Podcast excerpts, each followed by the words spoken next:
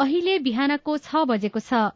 सामुदायिक सूचना नेटवर्क सीआईएनबाट अब प्रसारण हुँदैछ साझा खबर।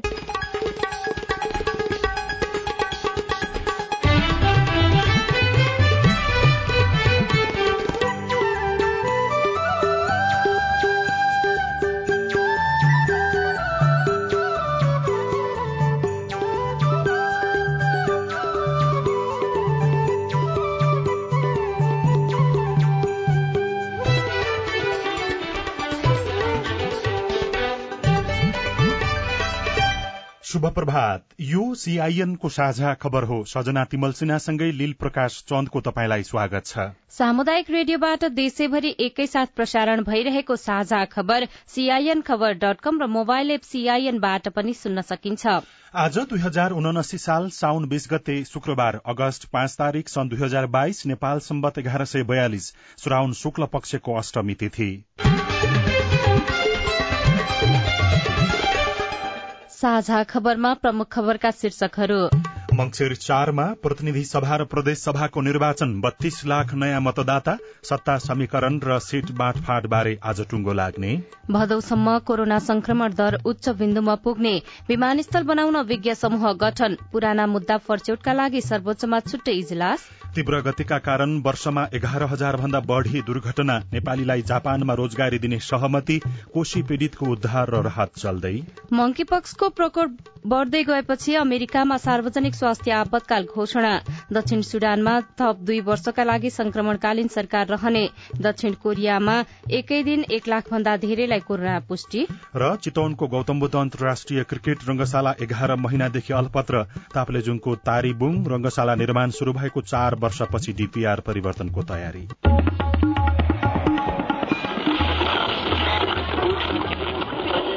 सयौं रेडियो। हजारौं रेडियो कर्मी र करोड़ौं नेपालीको माझमा यो हो सामुदायिक सूचना नेटवर्क सीआईएन साझा खबरको सबैभन्दा शुरूमा मंगिर चारमा प्रतिनिधि सभा र प्रदेश सभाको निर्वाचन गर्ने सरकारको निर्णयको प्रसंग प्रतिनिधि सभा र प्रदेश सभाहरूको निर्वाचन एकै चरणमा हुने भएको छ। मन्त्री परिषदको हिजोको बैठकले आगामी मंगिर चार गते दुवै तहको विधायकी निर्वाचन गर्ने निर्णय गरेको हो। सरकारले चुनाव गर्ने घोषणा गरेसँगै तयारीका लागि निर्वाचन आयोगले एक सय सात दिन पाउने भएको छ। मन्त्री परिषदको निर्णयबारे जानकारी गराउँदै सरकारका प्रवक्ता समेत रहनुभएका संचार तथा सूचना प्रविधि मन्त्री ज्ञानेन्द्र बहादुर कार्कीले भन्नुभयो। प्रतिनिधि सभा र प्रदेश सभाको निर्वाचन मंगिर चार गते आइतबार एकै चरणमा सम्पन्न गर्ने निर्णय गरेको कुरा म यहाँहरू मार्फत सम्पूर्ण देशवासीमा जानकारी गराउन चाहन्छु। आम निर्वाचनबाट दुई सय पचहत्तर प्रतिनिधि सभा सदस्य निर्वाचित हुनेछन्। एक सय पैंसठी प्रत्यक्ष र एक सय दसजना समानुपातिक निर्वाचन प्रणालीबाट चुनिएर आउनेछन्। प्रदेशसभातर्फ सातवटा प्रदेशमा प्रत्यक्ष र समानुपातिक गरी पाँच सय तीस सदस्य निर्वाचन हुनेछन्। एक सय चौध राजनीतिक दल प्रतिनिधि सभा तथा प्रदेशसभा सदस्य निर्वाचनमा स्पर्धा गर्न योग्य हुनेछन्। स्थानीय निर्वाचनसम्म एक सय छ दल दर्ता भएका थिए। पछिल्लो दुई महिनामा आठ दल थपिएका छन्। चुनावको मिति घोषणासँगै आगामी चुनावमा नयाँ दर्ता हुने दल सहभागी हुन पाउने छैनन्। दुई हजार चौहत्तरमा वाम गठबन्धन र कांग्रेसबीच मुख्य प्रतिस्पर्धा थियो भने यो निर्वाचनमा कांग्रेस नेतृत्वको पाँच दलीय सत्ता गठबन्धन र प्रमुख प्रतिपक्षी एमालेको बीचमा चुनावी प्रतिस्पर्धाको सम्भावना छ। उनीहरूबीच तीस वैशाखको स्थानीय निर्वाचनमा पनि करिब आधा जसो पालिकामा तालमेल भएको थियो। चुनावी तालमेलमा जान सहमत भइसकेका पाँच दलबीच सीट बाँडफाँड बारे भने औपचारिक सम्वाद शुरू भइसकेको छैन। बाँडफाँडमा प्रवेश नगरे पनि औपचारिक रूपमा सत्ता गठबन्धनका शीर्ष नेताहरूले फरक फरक प्रस्ताव अघि सारेका छन्। अनौपचारिक छलफलमा सीट बाँडफाँडबारे कांग्रेस र गठबन्धनका अन्य शीर्ष नेताका भिन्दा भिन्दै प्रस्ताव आएका हुन्। कांग्रेसले आफ्नो पक्षमा बहुमत आउने गरी सीट बाँडफाँड प्रस्ताव यसअघि गरिसकेको छ। एक सय पैसठी प्रतिनिधि सभा निर्वाचन क्षेत्र मध्ये आफूले पञ्चानब्बे सीट राखेर बाँकी सत्तरी सीट गठबन्धनका अन्य दललाई दिने उसको प्रस्ताव छ। माओवादी अध्यक्ष प्रचण्ड र एकीकृत समाजवादीका अध्यक्ष माधव नेपालले कांग्रेस बाहेकका चार दलले पचासी सीट पाउनुपर्ने अडान राख्दै आउनु भएको छ। आज बस्ने गठबन्धन गठबन्धनको बैठकमा यसबारेमा सहमति हुने नेताहरूले बताएका छन्। निर्वाचन आयोगले मतदाता नामावलीबाट मृतक मतदाताको नाम हटाएर अद्यावधि गर्ने काम आजदेखि नै शुरू गर्ने भएको छ। आयोगले मृतक मतदातालाई सूचीबाट हटाउन आजदेखि नै जुट्ने प्रश्न पारेको हो। यस्तै आयोगले हाल जारी रहेको मतदाता नामावली संकलन आजदेखि बन्द गर्दैछ। सरकारले प्रदेश र संघको निर्वाचनको मिति घोषणा गरे लगत्तै हिजो पत्रकार सम्मेलन गरी आयोगले आजबाट नै मतदाता नामावली संकलनको काम बन्द हुने बताएको हो। साथै अनलाइन आवेदन दिएकाहरूले एक्काइस गतेसम्म औठा छाप र फोटो खिचाउन भने पाउने पनि आयोगले प्रश्न पारेको छ। प्रमुख निर्वाचन आयुक्त दिनेश कुमार थपलियाले असोजमा उम्मेद्वारी दर्ताको लागि मिति तोक्ने गरी निर्वाचन कार्यतालिका तयार पारिने बताउनुभयो। आउँदो मंगिरको एक्काइस गते पदावधि समाप्त हुन्छ भन्ने कुरा हामीले लिखित रूपमै पेश गरेका थियौं। अन्तर्राष्ट्रिय मूल्य मान्यता संसदीय परम्परा हाम्रो संविधान र कानूनी व्यवस्थाकै पृष्ठभूमिमा हेरिनुपर्ने हुन्छ।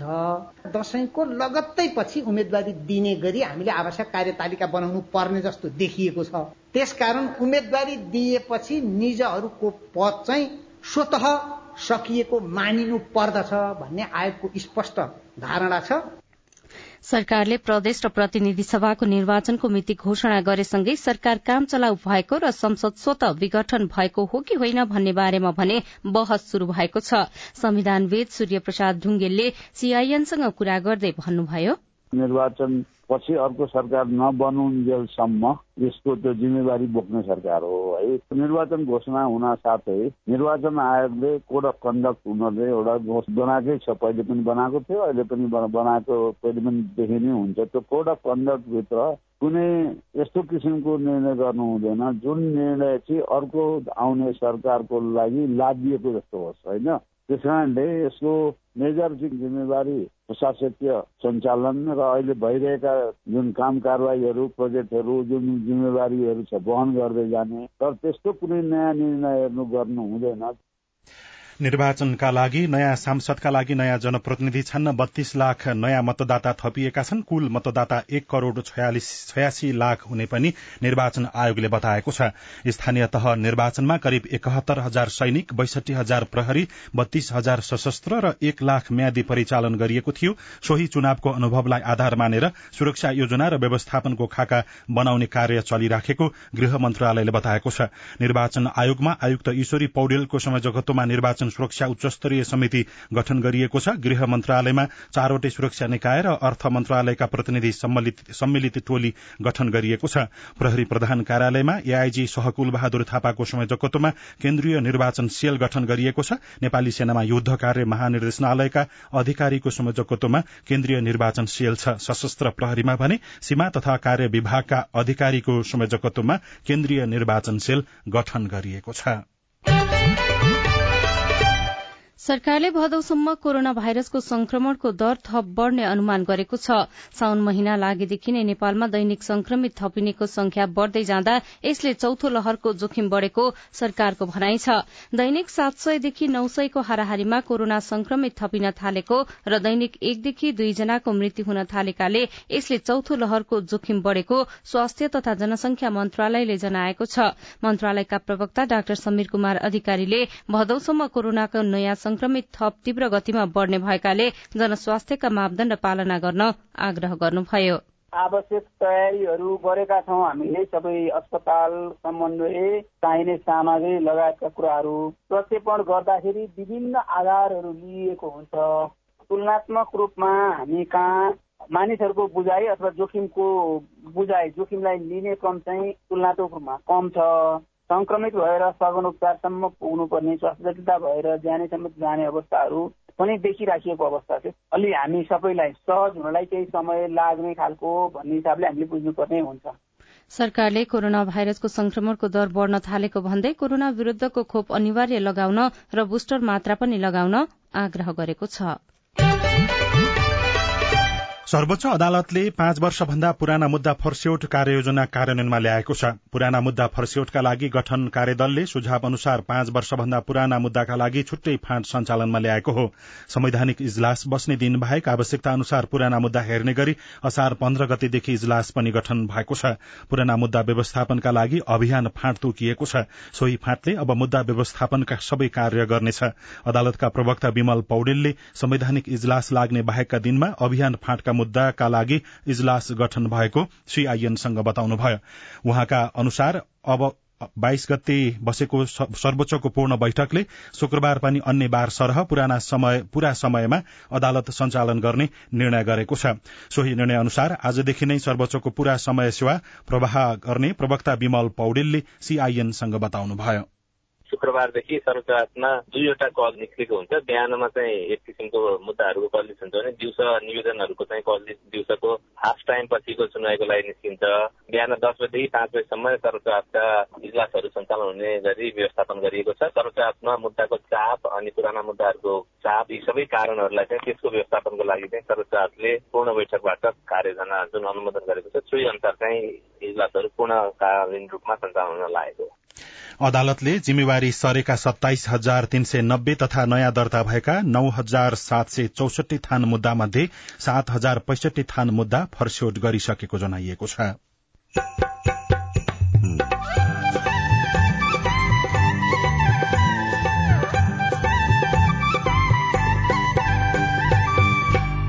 सामुदायिक सूचना नेटवर्क सीआईएन मार्फत देशभरि प्रसारण भइरहेको साझा खबरमा बढ्दो सवारी दुर्घटनाको कारण र रोक्ने उपाय? सड़क प्रयोग गर्दा अनुशासित हुनु पर्यो। दुर्घटनापछिको तत्काल उद्धार र उपचारको कुरा भयो। अब यो सबै कुरा हामीले चुस्त फुस्त गर्न सक्यौँ भने सड़क सुरक्षा राम्रो हुन्छ। विमानस्थलको सञ्चालनका लागि विज्ञ समूह गठन नेपालीलाई जापानमा रोजगारी दिने सहमति कोशी पीड़ितको उद्धार र राहत कार्य चल्दै लगायतका खबर बाँकी नै छन्। सीआईएनको साझा खबर सुन्दै गर्नुहोला। उठाउनु पर्ने आवाजहरू सदनमा उठाउनु भएको छ तपाईँलाई धन्यवाद दिनुपर्ने हुन्छ। कानून निर्माणमा नागरिक सहभागिता सिद्धान्त र अभ्यास। पारित गरियोस् भन्ने प्रस्ताव दुई तिहाई बहुमत भन्दा बढी मतबाट पारित भएको घोषणा गर्दछु। कानून कार्यान्वयनमा सांसद र संसदको जवाफदेहिता। र जिल्लाको र समग्र मुलुकका चाहिँ सवालहरूलाई संसदमा उठाउने सवालहरूमा म आफूले सशक्त ढंगले भूमिका खेले भन्ने लाग्छ? संसदीय प्रक्रियामा जनता र सरकारवाला निकायको नजर। युवाको क्षेत्रमा त्यति धेरै काम भएको छैन। युवालाई चाहिँ ओजरमै राखेर अहिले काम भइरहेको छ। युवाहरूलाई चाहिँ रोजगारीमा जोड्नुपर्छ भनेर अहिले केही कार्यक्रमहरू पनि सञ्चालन गरेका छौँ। जनतादेखि नेतासम्म नीतिदेखि नेतृत्वसम्म युवा सीमान्तकृत वर्ग जाति अल्पसंख्यकका सवालहरू। जनताको कुरा राख्ने ठाउँ संसदै हो। हामी कार्यपालिका होइन व्यवस्थापिका हो नीति निर्माण गर्ने हो। अब सवाल मात्रै होइन जवाबसँगै देखिन्छ प्रभाव पनि। कार्यक्रम हेलो सांसद सीआईएन मार्फत मुलुकभरका सामुदायिक रेडियोमा हरेक बिहिबार बेलुकाको साझा खबरमा र भोलिपल्ट शुक्रबार बिहान साढे छ बजे कार्यक्रम हेलो सांसद सीआईएन को फेसबुक पेज र युट्युब च्यानलमा सांकेतिक भाषामा पनि हेर्न सक्नुहुनेछ। युएनडिपी संसद सहयोग परियोजना र अकुराबको सहकार्य।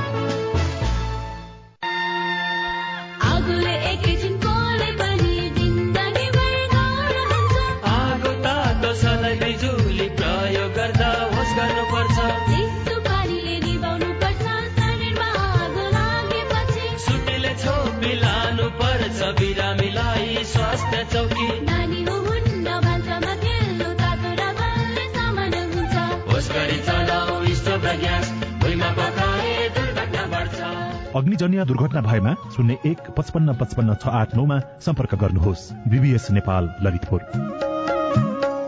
सामाजिक रूपान्तरणका लागि यो हो सामुदायिक सूचना नेटवर्क सीआईएन तपाईँ अहिले देशभरिका सामुदायिक radio CIN Khabar dot com र मोबाइल एप सीआईएनबाट एकैसाथ साझा खबर सुन्दै हुनुहुन्छ। अब बाँकी खबर। संसदीय समितिले अमेरिकी स्टेट पार्टनरशिप प्रोग्राम एसपीपीमा जन प्रधान सेनापतिले भाग लिएको विषयमा सरकारले स्पष्ट जानकारी दिनुपर्ने दोहोर्याएको छ। हिजो बसेको राज्यका निर्देशक सिद्धान्त नीति र दायित्वको कार्यान्वयन अनुगमन तथा मूल्याङ्कन समितिको बैठकले निर्देशन विपरीत बैठकमा मन्त्री सचिव र प्रधान सेनापति उपस्थित नहुनाले झनै सशंकित बनाएको निष्कर्ष निकालेको छ। समितिका सभापति निरादेवी जैरूले समितिले बोलाएको बैठकमा रक्षा मन्त्रालयका सचिव र प्रधान सेनापतिको अनुपस्थितिबारे प्रश्न उठाउनु भएको छ। समितिले हिजोको बैठकमा छलफलका लागि परराष्ट्र मन्त्री प्रतिनिधि सभाका सभामुख राष्ट्रिय सभाका अध्यक्ष प्रतिनिधि सभाका उपसभामुख तथा प्रधान सेनापति लगायतलाई बोलाएको थियो। अब आज काठमाडौँबाट प्रकाशित पत्र पत्रिकाको खबर। नयाँ पत्रिका दैनिकमा प्रहरीमा पुरस्कार र कार्यवाहीमा दर्जा अनुसारको विभेद शीर्षकमा।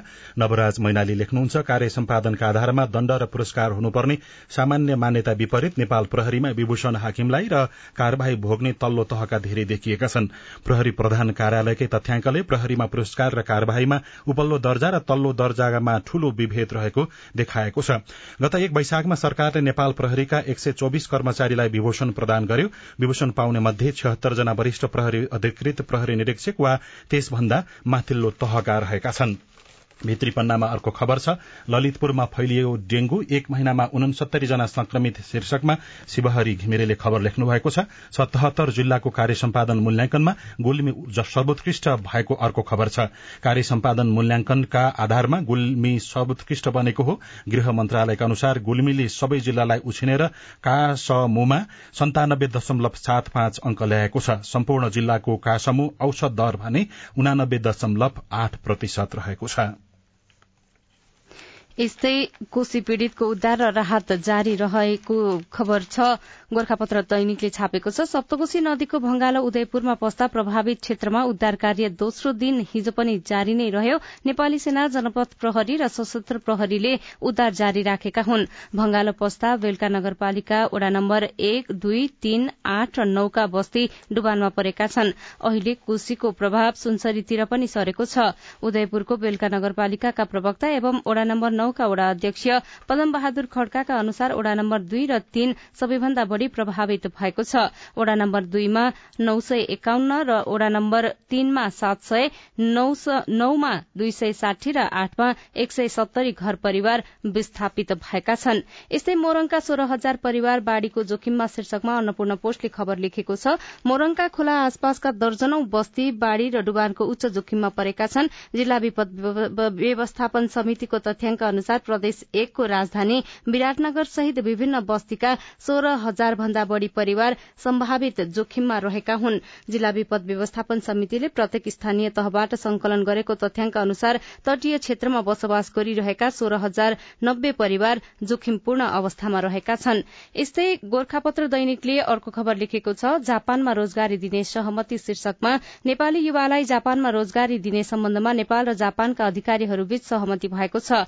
नेपाल र जापान सरकारका प्रतिनिधि सम्मिलित संयुक्त समितिको हिजोको हिजो काठमाण्डुमा बसेको बैठकले उच्च सिपयुक्त श्रमिक प्रणाली अन्तर्गत नेपाली युवालाई जापान पठाउने सहमति भएको हो। यसअघि दुवै देशबीच भएको समझदारीमा जापानी रोजगारदाताले नेपाली श्रमिक लैजान आलटाल गर्दै आएका थिए। कान्तिपुर दैनिकमा मन्त्री परिषदको म्याराथन मिटिङ चुनाव घोषणाकै दिन व्यापक सरूवा शीर्षकमा कलेन्द्र सेजुवाल र सूरज कुंवरले खबर लेख्नु भएको छ। प्रतिनिधि सभा र प्रदेश सभाको निर्वाचन घोषणा गरेकै दिन सरकारले हिजो आठ सचिवको सरूवा गरेको छ। निर्वाचन घोषणापछि काम चलाउ बनेको सरकारले निर्वाचन आचार संहिता जारी हुनु पूर्व अन्य थुप्रै सरूवा र नियुक्तिको निर्णय तयारी गरेको एक मन्त्रीले बताएका छन्।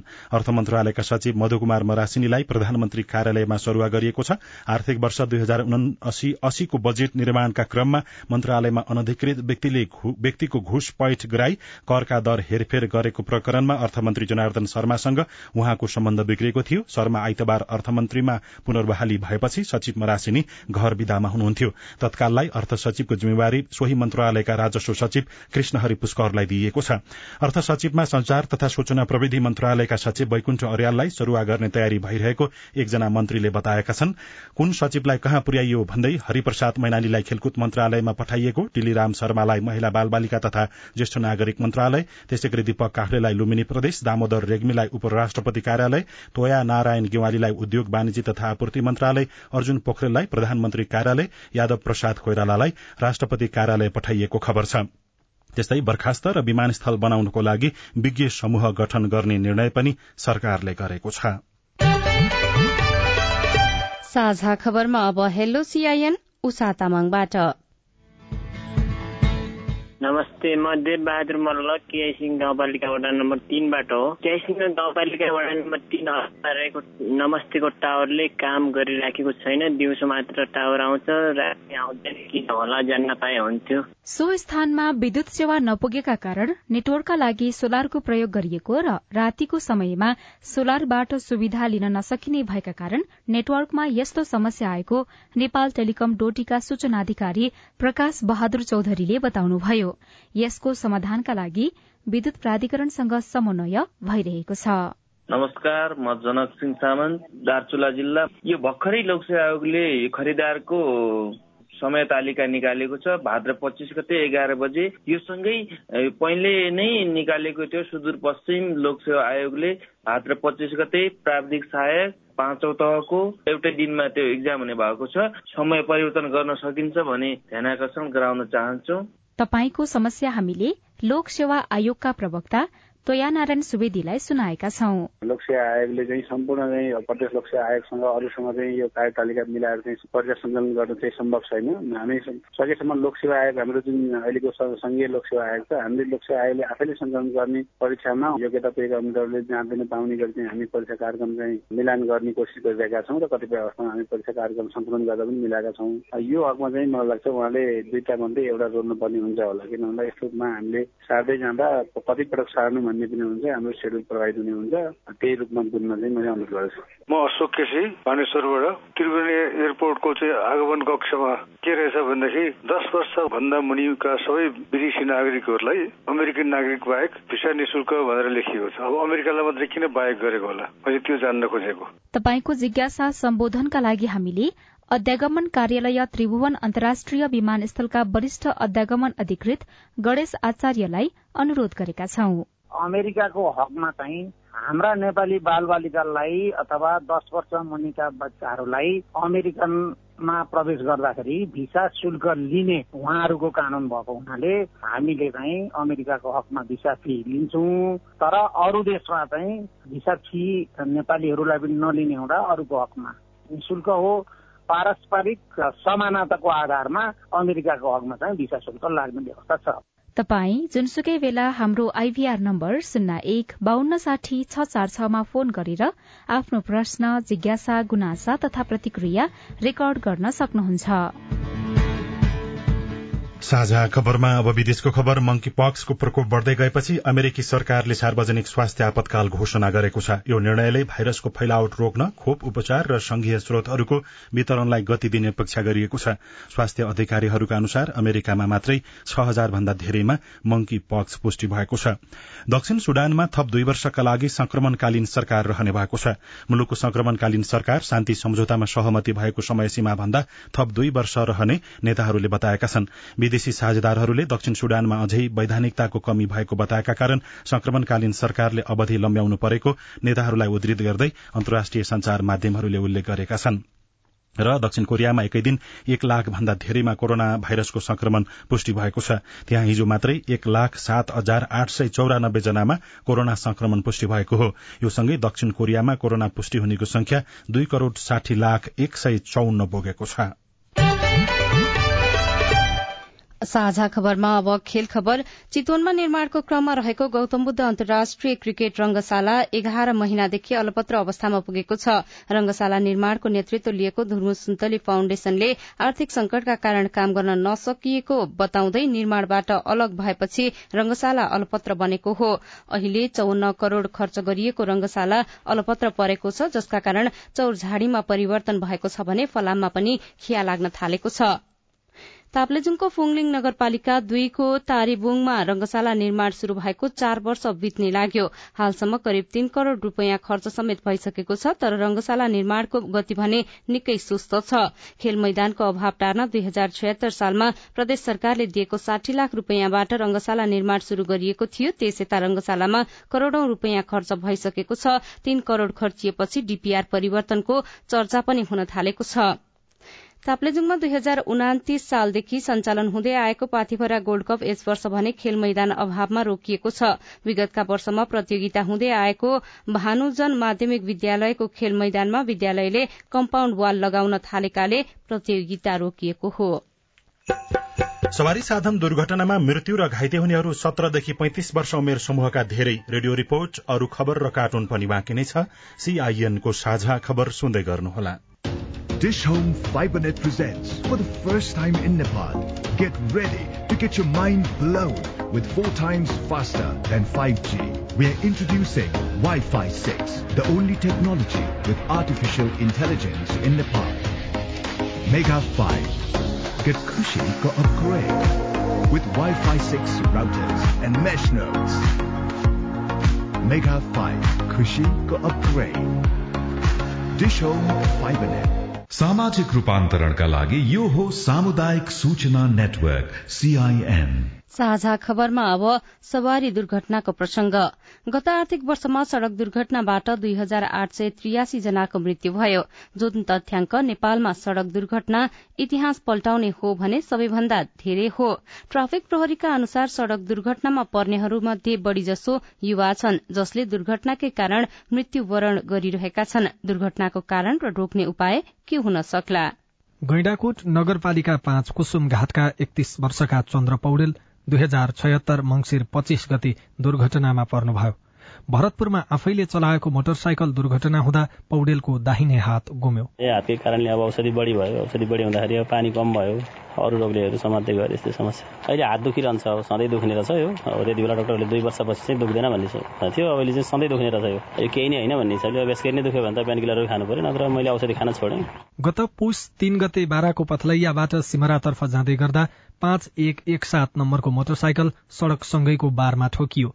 दुर्घटनामा परि पच्चीस वर्षका उमाकान्त चौधरीको घटनास्थलमै मृत्यु भयो। सँगै सवार सुनिल चौधरीको खुट्टामा गम्भीर चोट लागेका कारण हिन्डुलमा अझै समस्या छ। खुट्टा त ठिकै छ तर अहिले त पुरै फोल्ड हुँदैन कुनै बेला दुख्छ। एक बाल्टिन पानी पनि बोक्दाखेरि दुख्छ अलि भारी बोक्दाखेरि। अनि अब यो खुट्टामा रड नै राखेर चाहिँ कति समयसम्म बस्नुपर्छ? त्यही डेढ दुई वर्ष भन्नुभएको छ नेपाल प्रहरीका अनुसार गत आर्थिक वर्षमा मात्रै उनाचालिस हजार तीन सय उना अस्सी सवारी साधन दुर्घटनामा परे जसमध्ये उन्नाइस हजार नौ सय चौहत्तरवटा मोटरसाइकल मात्रै छन्। दुर्घटनामा मृत्यु हुने र घाइते हुनेहरू सत्रदेखि पैंतिस वर्ष उमेर समूहका बढ़ी छन्। नेपाल प्रहरीका प्रवक्ता प्रहरी नायब महानिरीक्षक टेक प्रसाद राई। दिपाङले किन त्यसको संख्या पनि बढी हो अनि सानो सानो बाटोहरू पनि जाने हो त्यो त अलिकति जोखिम पनि भयो नि त त्यही कारणले त्यो स्वाभाविक रूपमा त्यो आउने नै भयो अनि धेरै संख्या अनि यङ जेनेरेसनले बढी चाहिँ स्पिडमा कुदाउनु पर्ने राईका अनुसार एघार हजार चार सय बहत्तरवटा दुर्घटनाको कारण तीव्र गति हो। एक हजार एक सय सतहत्तरवटा घटना चालकले मादक पदार्थ सेवन गरेका कारण भएका छन् भने ट्राफिक नियम उल्लंघनबाट आठ सय बयासी दुर्घटना भएका छन्। तथ्याङ्क हेर्दा लाग्छ दुर्घटनामा चालकको लापरवाही बढ़ी छ। तर सड़क सुरक्षा विज्ञ आशिष गजुरेल दुर्घटनाका कारणलाई चालकको पाटोबाट मात्रै हेरिनु नहुने बताउनुहुन्छ। एउटा सड़क सुरक्षालाई हामीले सिस्टमको रूपमा हेर्नुपर्ने हुन्छ। अब यो सिस्टममा के के हुन्छ भन्दाखेरि सड़क पूर्वाधार सवारी साधन सड़क प्रयोगकर्ता नियम कानून र त्यसपछिको हाम्रो चाहिँ उद्धार र उपचारको कुरा भयो। सड़कमा चाहिँ सड़क प्रयोगकर्ता अनुशासित हुनु पर्यो र अर्को कुरा चाहिँ दुर्घटना पछिको तत्काल उद्धार र उपचारको कुरा भयो। अब यो सबै कुरा हामीले चुस्त फुट्ट गर्न सक्यौँ भने हाम्रो सड़क सुरक्षा राम्रो हुन्छ। अब होइन भनेदेखि हामीले चाहिँ एउटा पाटोमा पनि कमजोरी गर्यौँ भनेदेखि दुर्घटना हुने सम्भावना चाहिँ बढी हुन्छ। सवारी दुर्घटनाबाट एकै वर्षमा पैंतालिस करोड़ चार लाख एकाउन्न हजार रूपियाँ बराबरको भौतिक क्षति भयो। अझ जीवनको क्षतिको कुनै हिसाब छैन। चालक संवेदनशील भए मात्रै पनि सड़क दुर्घटना आधाले कम गर्न सकिने विज्ञहरू बताउँछन्। अविनाश आचार्य सीआईएन काठमाडौँ। रिपोर्टसँगै हामी साझा खबरको अन्त्यमा आइपुगेका छौं। सामुदायिक रेडियो प्रसारक संघद्वारा संचालित सीआईएनको बिहान छ बजेको साझा खबर सक्नु अघि तपाईँको स्वस्थ जीवनशैलीसँग जोडिएको एउटा सन्देश लामखुट्टेको टोकाईबाट बच्न धूप बाल्नु कत्तिको उपयुक्त हो। धुवा आउने यो जो आउने चिज यो रातभरि बाल्ने धुवामा बस्नु एकदम स्वास्थ्यलाई ठिक होइन। त्यो धुवा बच्चाहरूलाई मान्छेहरूलाई असर पक्कै पनि पर्छ। त्यो असर नपर्ने भने हुँदै हुँदैन। यदि कुनै ठाउँमा यदि झुल लाउन सक्दैन मच्छरहरू धेरै मात्रामा छन् भने मच्छरले टोकेर लाग्ने डेङ्गु इन्सेफ्लाइटिस मलेरिया भन्दा त्यो जुन चाहिँ त्यसले सिभिरिटी डिजिज देखाउँछ त्योभन्दा त्यो धुपको धुवाले चाहिँ कम असर गर्छ। त्यो भएको हुनाले सबभर हामीले झुल लाउनु राम्रो हो। होइन सकिएन भने गरेकै अवस्थामा मात्र बाल्न सक्यो भने राम्रो हो। डाक्टर दिपेश साक्यसँगको कुराकानी यो सन्देशसँगै साझा खबरमा मुख्य मुख्य खबर फेरि एकपटक। मंगिर चारमा प्रतिनिधि सभा र प्रदेश सभाको निर्वाचन बत्तीस लाख नयाँ मतदाता सत्ता समीकरण र सीट बाँडफाँड बारे आज टुङ्गो लाग्ने। भदौसम्म कोरोना संक्रमण दर उच्च बिन्दुमा पुग्ने विमानस्थल बनाउन विज्ञ समूह गठन। पुराना मुद्दा फर्स्यौटका लागि सर्वोच्चमा छुट्टै इजलास। तीव्र गतिका कारण वर्षमा एघार हजार भन्दा बढ़ी सवारी साधन दुर्घटना। नेपालीलाई जापानमा रोजगारी दिने सहमति कोशी पीड़ितको उद्धार र राहत चल्दै। मंकीपक्सको प्रकोप बढ़दै गएपछि अमेरिकामा आपतकाल घोषणा। दक्षिण सुडानमा थप दुई वर्षका लागि संक्रमणकालीन सरकार रहने। दक्षिण कोरियामा एकै दिन एक लाख भन्दा धेरैलाई कोरोना पुष्टि। र चितवनको गौतम बुद्ध अन्तर्राष्ट्रिय राष्ट्रिय क्रिकेट रंगशाला एघार महिनादेखि अलपत्र। साझा खबरको अन्त्यमा कार्टुन। कार्टुन हामीले राजधानी दैनिकमा उत्तम नेपालले कुरै कुरै शीर्षकमा बनाउनु भएको कार्टुन लिएका छौं। व्यङ्ग्य गर्न खोजिएको छ। मुलुकमा भ्रष्टाचार बढ़ेको बढ़ै छ। एकजना व्यक्ति भुइँमा घुँडा टेकेर बसिराखेका छन् र उनको ठूलो भुँडी छ। भुँडीमा बाहिरपट्टि भ्रष्टाचार लेखिएको छ र ती व्यक्तिले आफ्नै भुँडी जोडले समातिराखेको जस्तो देखिएको छ। तल चाहिँ यस्तो लेखिएको छ। निकै चर्किन थालो अब त फुट्छ कि क्या हो? हवस् प्राविधिक साथी सुनिल राज भारतलाई धन्यवाद। अहिलेलाई लील प्रकाश चन्द र सजना तिमल सिन्हा विदा भयौं। तपाईँको आजको दिन शुभ होस्। नमस्कार। यसपछि देशभरिका सामुदायिक रेडियोबाट कार्यक्रम हेलो सांसद प्रसारण हुनेछ। सुन्ने प्रयास गर्नुहोला।